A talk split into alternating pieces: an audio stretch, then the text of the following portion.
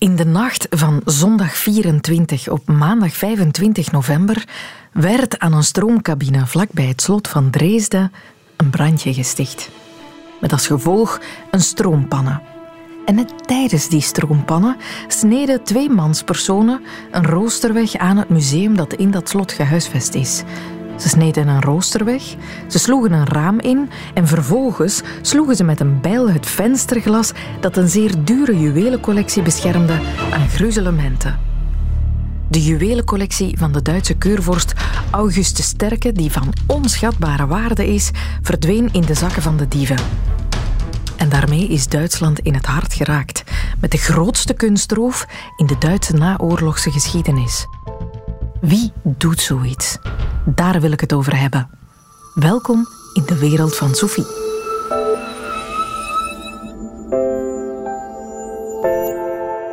Jan-Piet Kalles is een zelfstandig adviseur voor de beveiliging van kunstvoorwerpen. Hij spoort ook op trouwens verloren en gestolen kunst. Zo vond hij op een dag de gestolen Olympia van René Magritte terug. Zeer indrukwekkend. Ja, daarvoor moet je natuurlijk uh, goede contacten hebben in het milieu. Niet alleen in het kunstmilieu, maar ook in het crimineel milieu. Mhm. En dan werk je natuurlijk met uh, tipgevers. Goede contacten, daar komt het op aan. In alle milieus. En dat heeft hij. En dus kent hij kunstdieven goed. Hij weet wat hen drijft, hij weet hoe ze te werk gaan. Over die diefstal in Dresden zegt hij beslist: hier is over nagedacht. Men heeft uh, gebruik gemaakt van een zwakke schakel in de beveiliging.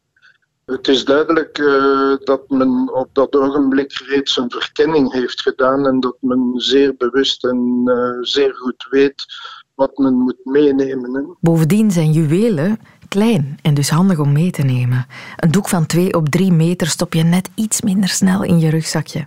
En ze zijn kei veel waard. Maar dan, wat doe je dan met een van de bekendste gestolen juwelencollecties? Hoe krijg je dat kwijt? Verkopen doen ze allicht niet, zegt Callas. Zoiets is onverkoopbaar, omdat iedereen weet dat je gestolen waar komt aanbieden. Het ergste wat ermee kan gebeuren is dat de juwelen in handen vallen van een ordinaire dief. Het kan zijn gewoon om uh, de stukken uh, in bezit te hebben, te ontmantelen, te smelten uh, als het goud is en eventueel de stenen apart te verkopen. Dat is het ergste, want dan zijn de juwelen voorgoed kapot, gedecimeerd in waarde.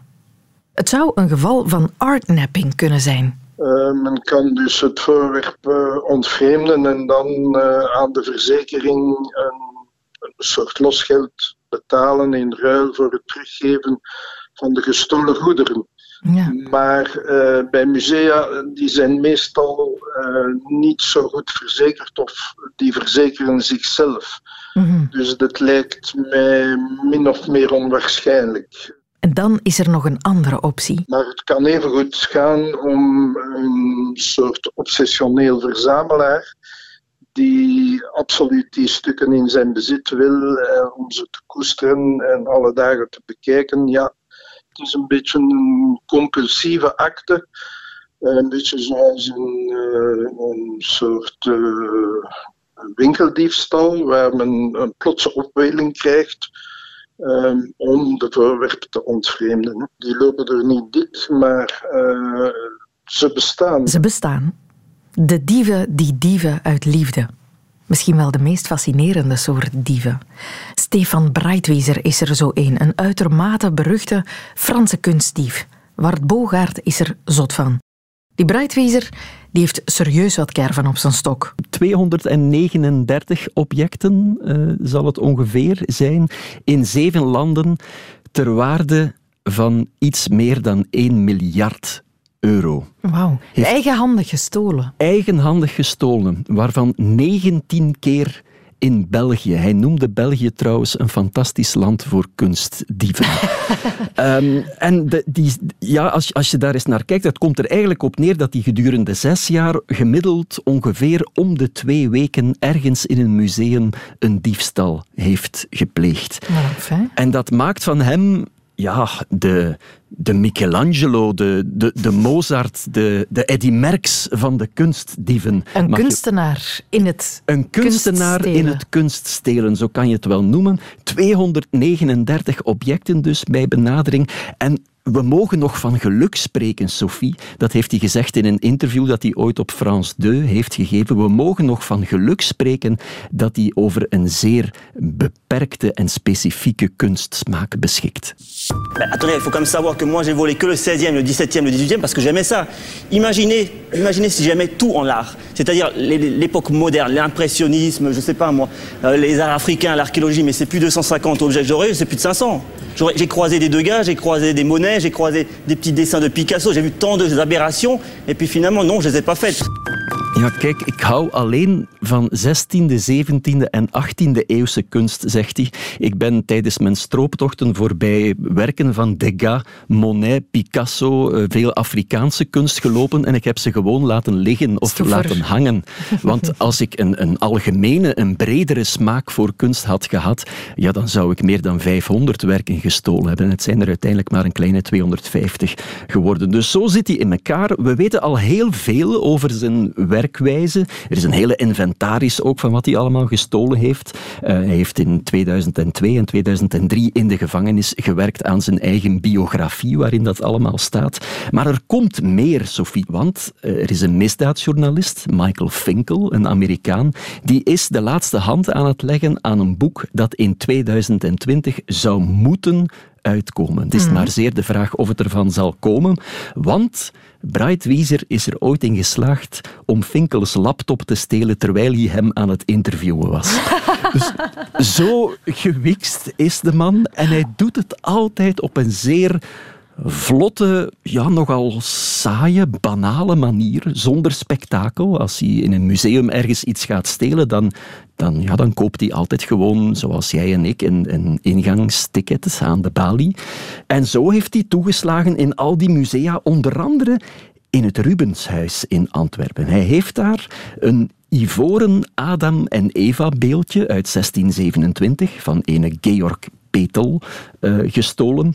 En in zijn biografie ja, beschrijft hij uitvoerig hoe hij dat gedaan heeft. Hè. Het, het, het, werk stond op een tafel onder een stolp, zegt hij. En hij, hij geeft fantastische details mee. Hè. Hij wist, hij weet nog altijd per schroef hoe lang het duurde om ze los te draaien. Hoeveel draaibewegingen je nodig had om die schroef los te draaien. En telkens had hij de bewaker in het oog. Uh, als die even binnenliep, dan liep hij gewoon wat verder rond in de zaal. Hij had altijd zijn vriendin en compaan ook bij, Katrine Kleinklaus. Ja, dat vroeg ik me net af, of, hij, of dat hij alles alleen deed. Ja, nee, nee hij had dus zijn, zijn geliefde, zijn, zijn, die ook tegelijk zijn, zijn compaan was, Katrine Kleinklaus. En die, ja, die gaf hem subtiele gebaren om aan te geven wanneer de kust veilig was. En zo heeft hij ruim zijn tijd genomen. Het heeft uren geduurd om dat beeldje te nemen. Heeft uiteindelijk, toen alle schroeven losgedraaid waren, het beeldje onder zijn jas verborgen, achter zijn broeksriem, rustig voorbij de bewakers aan de ingang gelopen, zonder haast, vriendelijk knikken en hop.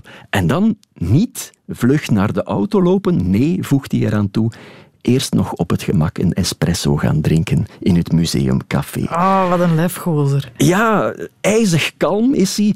En dan eens hij dan thuis aangekomen was met dat beeldje, is hij met dat beeldje op zijn bed gaan liggen, heeft het rustig bekeken, heeft het gepoetst met zeep en citroensap, eh, vertelt hij in die biografie. En thuis, dat is niet helemaal thuis, moeten we daaraan toevoegen, dat is eigenlijk een zolderverdieping in het huis van zijn moeder. En dat moet, ja, dat, dat moet echt een soort heiligdom geweest zijn. Hij noemt het zelf mijn Alibaba-hol. En daar stonden dus al zijn veroveringen.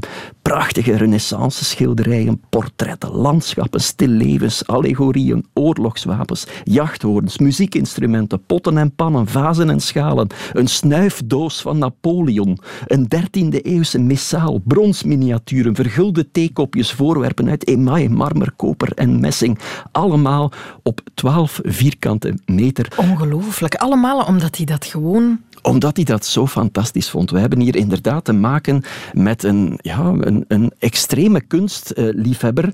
Uh, een soort, soort Robin Hood van de kunstdieven, met dat verschil dat hij het niet aan de gemeenschap wou geven, maar dat hij het helemaal voor zichzelf wou houden. zijn doel was dus absoluut niet geld verdienen. Hij heeft nooit geprobeerd om een van die kunstwerken, hoewel ze, hoewel ze grote waarde hadden, om die te verkopen. Het was dus puur voor de liefde voor de kunst. Uh, een soort ja, kunst moet gered worden van, de, van de mufheid van het museum. Dat is natuurlijk, als je dan betrapt wordt, en dat is wel degelijk gebeurd in 2001, ja, is dat natuurlijk een argument dat niet echt stand houdt, dat mhm. weinig indruk maakt eh, bij de autoriteiten. Hij is in 2001 inderdaad gearresteerd na de diefstal van een jachthoorn uit het Richard Wagner Museum in Luzern. En dan moet daar een ja, een, een hallucinant verhoor hebben plaatsgevonden waarin speurders Breitwieser confronteren met foto's van maar liefst 70 vaak zwaar beschadigde voorwerpen die speurders uit het Rijn-Rhône-kanaal gevist hebben.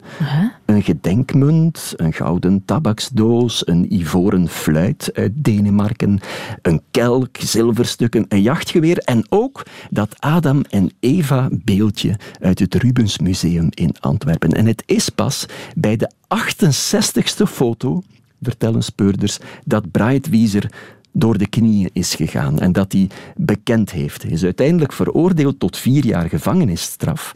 Maar dan, het zal je opgevallen zijn, Sophie, dan klopt er nog iets niet. Nee, het is me niet opgevallen. Wel, hoe kan het dat een edele kunstliefhebber met zo'n nobele bedoelingen als Breitwieser al die kunst in een kanaal ah, heeft ja, gegooid. Ja. Wel, op dit moment in het verhaal komt zijn moeder op de proppen, de eigenaar van het huis. Wist zij ervan? Wel, die heeft in 2001 via de media gehoord van zijn arrestatie.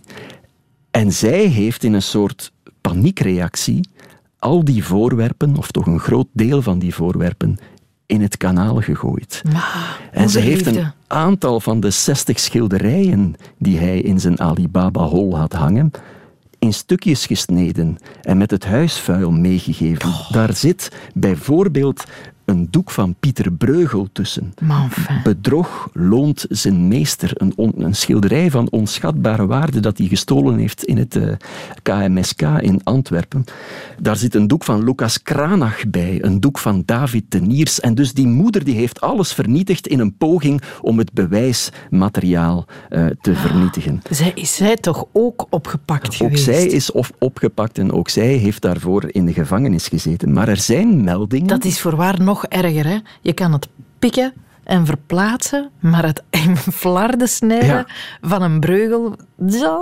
Ja, ja, en, en ook uh, Breitwieser zelf moet dat verschrikkelijk hebben gevonden, want zijn gevangenisbewakers uit die tijd die getuigen dat hij in die periode, toen dat nieuws uitkwam dat zijn moeder dat had gedaan, dat hij in die periode extra bewaking kreeg, omdat zijn suïciderisico heel hoog was op dat moment. Hij was enorm depressief, omwille niet van het feit dat hij gearresteerd was, maar omwille van het feit dat, ja, dat al die kunst door zijn eigen moeder uh, vernietigd was. Dus we hebben te maken met een kunstminaar, puur sang, maar vrees ik ook met een onverbeterlijke kleptomaan, mhm. want in 2006 is hij dan nogmaals gearresteerd, naar verluid omdat hij kleren aan het stelen was in de luchthaven van Orly in Parijs. En recent, begin dit jaar, 2019, ja, zijn er bij een inval bij hem thuis honderden Romeinse munten aangetroffen. En nu, op dit moment, zit hij opnieuw in de gevangenis. En het is dus wachten tot 2020, als hopelijk dat boek van Michael Finkel uh, uitkomt. Ja, dat wil ik lezen. Om daar alles van te weten. Stefan Breitwieser, dieft uit liefde. En hij is niet alleen. Er is nog zo'n verhaal, veel dichter bij huis. Het verhaal van... De kunstroof van Keerbergen. Kende u dat al? Daarvoor moeten we terug naar 1971, als in Keerbergen de beslissing wordt genomen om de Sint-Michielskerk af te breken. Ja, en, daar staat alleen nog een toren van recht. Daar staat alleen nu nog een toren van recht en er is in die periode een nieuwe Sint-Michielskerk gebouwd. Maar het probleem dat zich toen stelde is, wat moeten we doen met al die kunstschatten, met al dat meubilair, met al die kunstwerken, met al die voorwerpen, religieuze voorwerpen, die daar op dat moment nog in de kerk stonden. En daar is een conflict over gerezen tussen de kerkfabriek, die wilde dat die kunststukken verkocht werden, om met die opbrengst daarvan dan, om dat, dan, dat geld dan te investeren in die nieuwe kerk. En anderzijds de heemkundige kring, de botermolen. Want zoals dat gaat met heemkundigen, die wilden absoluut dat al die kunstwerken, al dat prachtige materiaal, dat dat allemaal bewaard zou blijven voor toekomstige generaties. En op dat moment heeft Bernard van den Bos, die ondertussen 89 is en erevoorzitter is van de botermolen, die heeft op dat moment beslist om een kunstroof te organiseren. Wij vernamen dat de kerk zou afgebroken worden. En vernamen we wel dat er bepaalde dingen al verkocht waren. Wij waren een jonge heemkring. En we zagen dat het laatste oud gedeelte van de kerk of van Keerbergen zou verdwijnen. Wij hadden een vergadering gemaakt en gezegd, mannen, wat gaan we doen? We hebben een prachtige preekstoel, een prachtige doopvond en zo meer. Dat gaat zomaar niet. Ja, en dan kwam het een achter het andere. Zoals een stroper met een andere stroper iets afspreekt. Hè. De pastoor had op eigen houtje al een aantal dingen uit de kerk verkocht. Niet verwijderd, hè. Maar die waren wel al allemaal wel toegewezen. En dan vernamen we op het moment dat het mechanisme van een kerkklok uit einde 1600 uiteengenomen was door een antiquair. En dat lag bovenop de kerktoren. Toen hebben we een inbraak gedaan.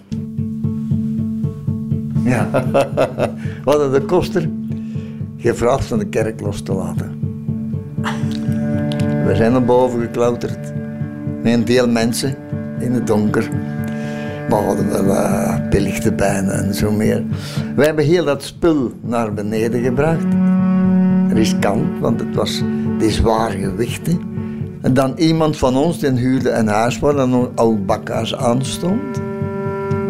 We hebben die daarin geplaatst. Maar natuurlijk, wat kreeg ik? De veldwachter aan mijn deur.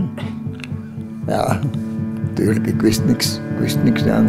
Maar dat hebben we dan toen toch ineens ver genoeg gedaan. En dat hebben wij verplaatst naar Hoogstraat. Dat is ver, hè? Dat is ver, ja? dat kwam bij mijn broer terecht. Natuurlijk, toen was het ver genoeg, niemand wist van iets. Uh, dus.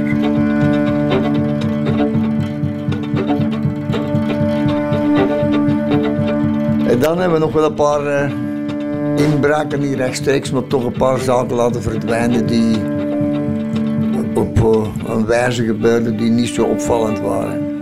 Het is nog niet gedaan, dat was niet het enige criminele feit dat jullie toen pleegden.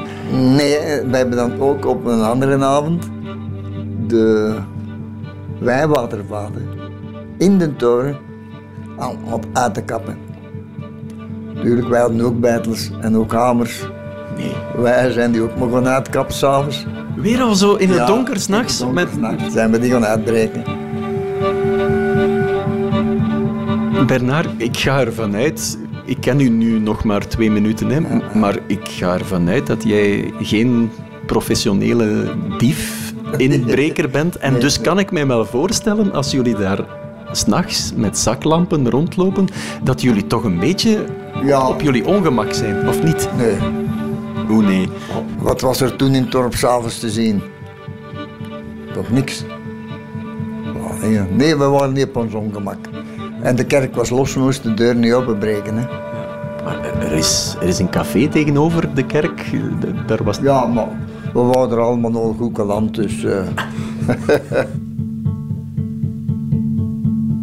ik weet niet, ik heb hier wat opgeschreven, heeft mij nog iets gepikt. Dat weet ik niet.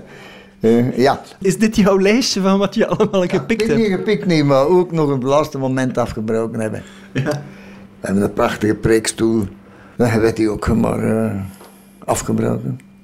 Dat was geen alledaags werkje, zo'n preekstoel.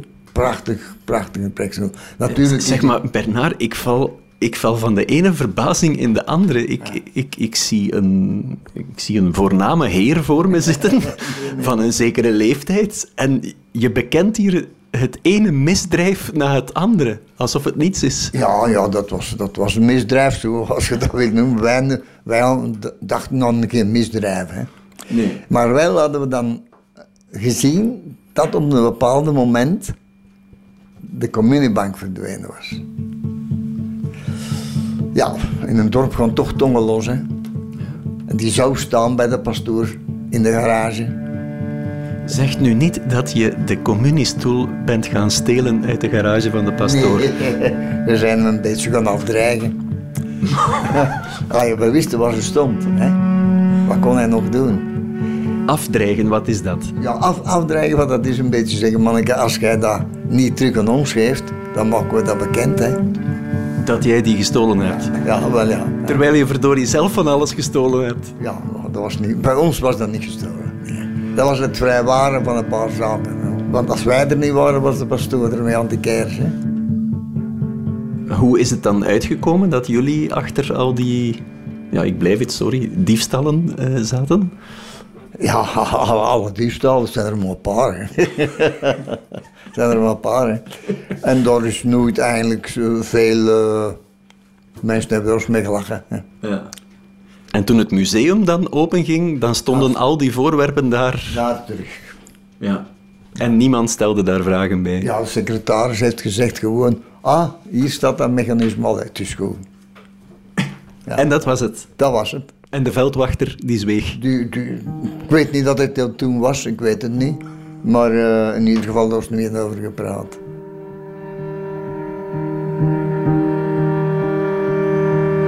toen bij jullie het plan rees om ja, het recht in eigen handen te nemen, want dat is het eigenlijk. Ja, ja, ja, Waren er dan mensen rond de tafel die ethische, morele bezwaren hadden?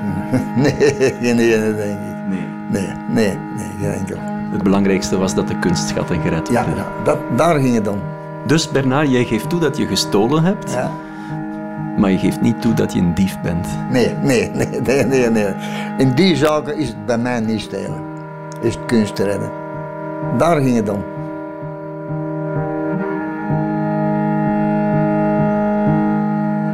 Zeg nooit kunstdief tegen een kunstredder. Dat is iets helemaal anders.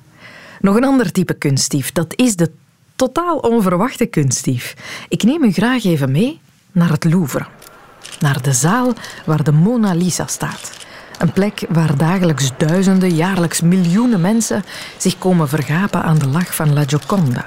Bekendste kunstwerk op aarde, zonder twijfel. En dus kan het niet anders dan dat iemand ooit dat werk heeft willen stelen. Dat gebeurde op 21 augustus 1911. De klok slaat middernacht. In een Parijs appartementje maken twee mannen zich op om bewijsmateriaal te laten verdwijnen. Samen stouwen ze de gestolen kunst in een grote koffer. Liefst van al zouden ze een rijtuig nemen, maar dat zou te veel opvallen. Het is muisstil in Montmartre op dit uur van de nacht. Dus sjouwen de twee te voet met hun koffers tot aan de oevers van de Seine. Mocht hetgeen ze in hun valies zitten hebben niet uit de Louvre gestolen zijn, zouden ze hun angst nog kunnen temperen. Maar nu zijn ze in paniek. De kunst dumpen in de rivier lijkt de enige optie. Twee weken eerder, 21 augustus 1911. Een doodgewone dag in het Louvre, zo lijkt het. Tot een van de passanten iets vreemds opmerkt. Een schilderij uit de vaste tentoonstelling hangt er niet meer. De Mona Lisa van Leonardo da Vinci is gestolen. Er is meteen alle hens aan dek. In heel Frankrijk wordt alarm geslagen. De grenzen worden gesloten en Europa staat in rep en roer. De Mona Lisa, de vrouw met de mysterieuze glimlach, staat in zowat alle kranten en de hele wereld kijkt met gespannen blik naar Parijs. Een dag gaat voorbij, dan twee, dan een week. Maar elk spoor van het meesterwerk ontbreekt. De Franse recherche zit met de handen in het haar. Mon Dieu, putain, c'est pas possible! Tot een jonge man op zijn dode gemak het politiekantoor binnenwandelt. Joseph Guéry Pierre, een kunstdief, vertelt de agenten hoe hij al jarenlang werken steelt uit het Louvre. Voor zichzelf, maar ook in opdracht van anderen. Pierre wordt meteen ondervraagd. Furieus vuren de agenten hun vragen op hem af. Hoe heb je het gedaan? Waar is het kunstwerk? Wie zijn je opdrachtgevers? De dief laat weinig los, maar één naam valt wel. Een naam die bij u misschien een belletje doet rinkelen. Die van de Italiaanse dichter Guillaume Apollinaire. Hij zou de geroofde kunst gekocht hebben. Maar hij niet alleen. Want een van zijn trouwste vrienden, een Spaanse schilder, zou hetzelfde gedaan hebben. De naam van die man? Pablo Picasso. Het onderzoek raakt in een stroomversnelling. Zouden deze twee intellectuelen de Mona Lisa ontvreemd hebben? Waren zij de aanvoerders van een ondergronds Parijs Niet helemaal. Herinnert u zich de twee mannen met hun koffer nog? Pablo Picasso en Guillaume Apollinaire stonden wel degelijk klaar om zich te ontdoen van geroofde kunst. Want stel dat ze gepakt zouden worden, dan zat hun carrière er misschien op. Ze zouden zeker gedeporteerd worden. Maar wat in hun koffer zat, was niet de Mona Lisa. Wel enkele pre-christelijke beeldjes uit Spanje. En ja, op de onderkant van die beeldjes stond eigendom van het Louvre. Maar in het water gooien, ja, dat konden ze niet. Van aan de oevers van de Seine keerden ze onverrichter zaken terug naar hun appartement. Bij een huiszoeking worden de beeldjes gevonden en er volgt ook een proces. Maar de twee mannen worden uiteindelijk veroordeeld tot milde straffen. En de Mona Lisa, ja, die blijft vermist.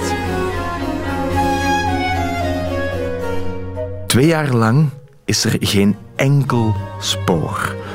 Tot er op een mooie zondag gebeld wordt naar de politie van Parijs. Oui, hallo? Een kunsthandelaar in Firenze kreeg zo net een schilderij onder ogen dat wel erg op de Mona Lisa leek. De man die het hem gegeven had, Vincenzo Perugia, een Italiaan die naar eigen zeggen geen enkel ander motief had dan het schilderij terug naar het vaderland te brengen. Wat daarvan aan is, dat is voor een volgende keer. Topverhalen. Dat Picasso haast in een bak zat voor de diefstal van de Mona Lisa. Dat is een goeie voor wanneer u nog eens een buurtquiz moet organiseren. Nog één type dief wil ik u voorleggen. De nazi als dief. In het Afrika Museum in Tervuren staat Nkizi Nkonde. Dat is een houten beeldje met koorden en spijkers dat, naar verluid, magische krachten zou bezitten. Zoveel lees je op het kaartje naast het beeldje. Wat je niet leest, is dat het ook een beeldje is dat door een Belgische officier geroofd werd in 1878 in Congo. En dat, ondanks herhaalde vragen van plaatselijke stamhoofden, niet teruggegeven werd. En dat het zo dus in de collectie van het Museum van Tervuren is gekomen. Dat beeldje is een heel goede illustratie van de nogal ingewikkelde discussie van restitutie. Moet koloniale roofkunst teruggegeven worden? Of behoort het ook een beetje tot de geschiedenis van België? Mag het dus in België te bewonderen zijn? Het is een zeer heikele kwestie waar ze zelfs binnen het museum het niet over eens zijn. Brecht de Volderen zocht het beeldje op en sprak met directeur Guido Grijzeels en met de onderzoeker die de geschiedenis van dat beeldje achterhaalde, Maarten Coutinier. Ik ben wetenschapper hier in het eh, Koninklijk Museum voor Midden-Afrika. Dit is allemaal nieuwbouw. Hier links komen eh, ruimtes voor tijdelijke tentoonstelling. Komt een onderzoeker vaak zelf nog in het museum? Toch regelmatig, hè? ja, ja. toch wel. We beginnen met zo'n eerste nogal indrukwekkende stuk. Hoe komt dit nu naar dit museum, weet je dat? Uh, dat is uh, een boot die uh, gebouwd is ten zuiden van Kisangani. En die gebruikt zou geweest zijn door Leopold III bij zijn reis in Congo. Heeft hem nooit teruggegeven? Wel, en dan is hij zogezegd geschonken aan het Koninklijk Museum voor Midden-Afrika. Maar ja, in welke mate dat dat geschonken is of afgenomen, dat, dat is niet duidelijk. Stukken werden verzameld in Congo door militairen meestal, die niks afwisten van antropologie of die niet geschoold waren om dat te verzamelen eigenlijk. En daar heb je al een eerste moment van verlies van informatie. En tegen dat het dan hier ingeschreven werd in de collecties, had men eigenlijk heel weinig achtergrondinformatie. Wat dus vandaag een groot probleem is om, om daar onderzoek op te doen. En dat zijn we nu meer en meer uh, van zien. Is veldwerk doen in Congo. Omdat de mensen daar natuurlijk wel nog weten waar het om gaat. En wel nog heel veel kennis hebben over hun cultuur. Ook al is het 100 jaar geleden verdwenen? Ja, ja, ook al is het 100 jaar geleden. Als je foto's laat zien van stukken, dan zeggen ze: ah ja, oké, daar ligt het. Uh, ja. Hier staat het beeld van uh, Nikuku. Dit? Ja. Oh, het is, uh, het is een man en hij draagt precies een, een... Hij is gedrapeerd met touwen en Het is wel heel mooi werk. En de spijkers die erin uh, zitten, is om verdragen... Is wanneer de een ganga, dus de, de heks, laten we maar zeggen, een verdrag afsloot of zo, dan sloegen ze er een nagel in om het verdrag te verzegelen. En het is dus verzameld door Alexandre Del Commune, een Belg die in uh, jaren 1870 in Boma is toegekomen als handelaar. En hij heeft het beeld ook gebruikt. Dus je kon naar de, een ganga gaan, uh, bijvoorbeeld om te vragen, kijk er is ingebroken bij mij, kan je die dief lokaliseren? En dan sloeg die man daar een nagel in onder, en dan behekste hij eigenlijk die dief. En hij zei dan, ja, binnen twee dagen ga je sterven. Tenzij dat je naar hier komt om het te regelen. En dus dat was zeer effectief, omdat die mensen dan uh, binnen de zoveel uur uh, stonden ze daar om zich aan te geven. dus de hekserij is zeer, zeer, zeer actief en zeer, zeer krachtig in Congo. Het is gestolen door die commune? Doelbewust gestolen door Del Commune bij een militaire aanval in 1878. Uh, dus ik heb ook het dorpje bezocht waar het beeld vandaan komt. Dat is een dorpje naast Boma, Kikuku. En dan heb ik de chef geïnterviewd die daar nu uh, chef coutumier is. Al 150 jaar wacht op zijn beeldje. Wel, uh, die mensen weten dat dus nog. Hè. Dus, dat is als de dag van gisteren. De Commune heeft het gestolen en gebruikt om zijn koloniale post te beschermen. De mensen durfden gewoon niet meer binnenkomen omdat ze zodanige schrik hadden van dat beeld. Hij schrijft het ook in zijn memoires. Ik kan mijn post nu s'nachts openlaten, niemand komt binnen hè, door dat beeld. Dus het heeft een enorme kracht. Uh, en de oorspronkelijke eigenaar heeft in 1878 het beeld al teruggevraagd. Dus dat is ook zeer uitzonderlijk dat we dat weten. Dus dat restitutie eigenlijk al een discussie is die meer dan 100 jaar oud is. En heeft dan het beeld meegenomen en ook een dochter. Hij is gehuwd met een heel jong meisje daar. En uit die relatie is dan een dochtertje gekomen. Hij heeft dus die dochter meegenomen en het beeld. Dat is een ultieme rooftocht geweest. Ja, kolonisatie is economische uh, plundering. Heeft het een bijnaam hier? Het spijkerbeeld of het... Uh, nee? Kies je een konde. Jij, spreekt, jij spreekt de naam gewoon uit. Nog eens?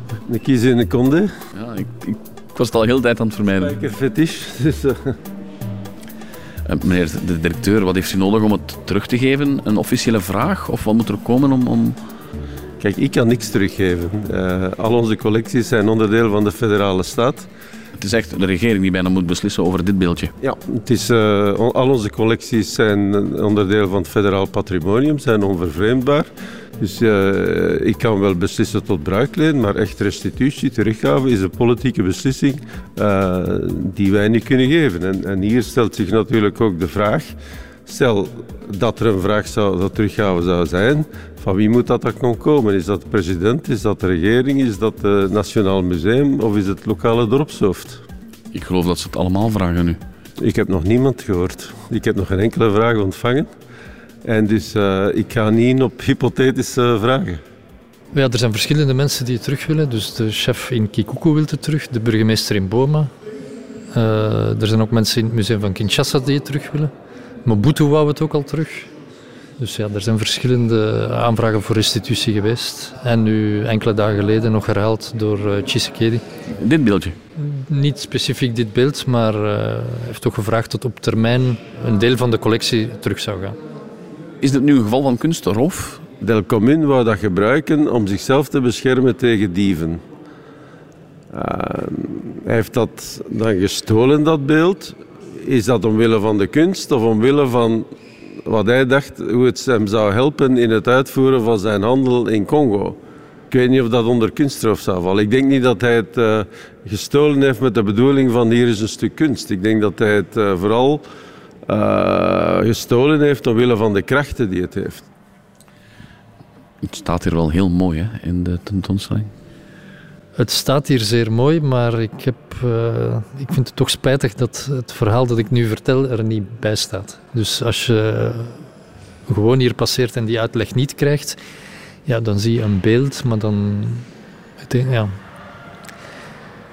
er is toch nog meer over te zeggen dan uh, het label dat er nu uh, bij staat. Is dat veel geld waard? Dan heb ik, ja, dat is onschatbaar. Hè. Dus, uh... ja, maar je bent historicus, oké, okay, emotioneel misschien, maar kan ik dit verkopen op de zwarte markt? Nee, nee, nee. nee, nee. Dan is het geen geld waard, hè. sorry, met alle respect. Moest het op de kunstmarkt kunnen verhandeld worden, zit je sowieso boven een miljoen euro, denk ik. Maar, uh... Ik wil het ook niet minimaliseren. Hè. Het is een, een, stuk dat is meegenomen met militair geweld onder dwang. Dus uh, ik weet het niet. Het is, het is niet mijn beslissing of dit al dan niet een prioriteit moet zijn. En het ligt hier ook veilig? Het ligt hier veilig, ja. Is dat gewapend uh, glas? Dat zal ik u niet zeggen. ja, we hebben het over kunstroof en ik vermoed dat dat echt een, een, een, een duurder stuk is dan, dan veel mensen weten. Als we daar nu een nagel in kloppen, uh, wie, wie zou dan sterven uh, binnen twee dagen? Ja, dat weet ik niet. Hè. Dat moet je vragen aan de chef in Kikuku. Het is uh, niet aan ons om daarover uitspraken te doen. Het is een zeer gevaarlijk beeld, hè, dus het kan ook uh, iemand uh, blind maken of ja, moet, er, moet er geweldig mee opletten. Het is niet om mopjes over te maken. Of, het is, Ik ben bang als u dit laat gaan, dat u drie vierde van uw museum moet afgeven terug. Oh, maar nee, ik ben helemaal niet bang. Trouwens, ik vind trouwens heel die discussie over restitutie fors overtrokken. Wordt u nu ook een beetje beschermd door dat beeld? Want het biedt op dit moment volgens mij bescherming aan heel het museum. Uh. Beschermen tegen iedereen behalve tegen journalisten. nee, nee, het is, uh, ik hoop het dat het ons beschermt. Kijk, uh, het museumgebouw is toch prachtig gerenoveerd en in goede staat. To be continued. Maar vinden we een Kizi in Condé binnen 10, 20 jaar terug, wie zal het zeggen? Dat een Kizi in Condé intussen tijd voor heel wat magische ambras zal zorgen, dat weten we zeker.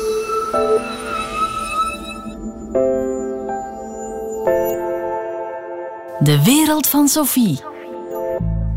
Dit was de wereld van Sophie over kunstdieven. Als je graag meer hoort, abonneer je dan op deze podcast. Krijg je alle nieuwe afleveringen automatisch toegestuurd. Of luister eens gewoon tijdens de week tussen 10 en 12 naar Radio 1. Dan hoor je ons ook.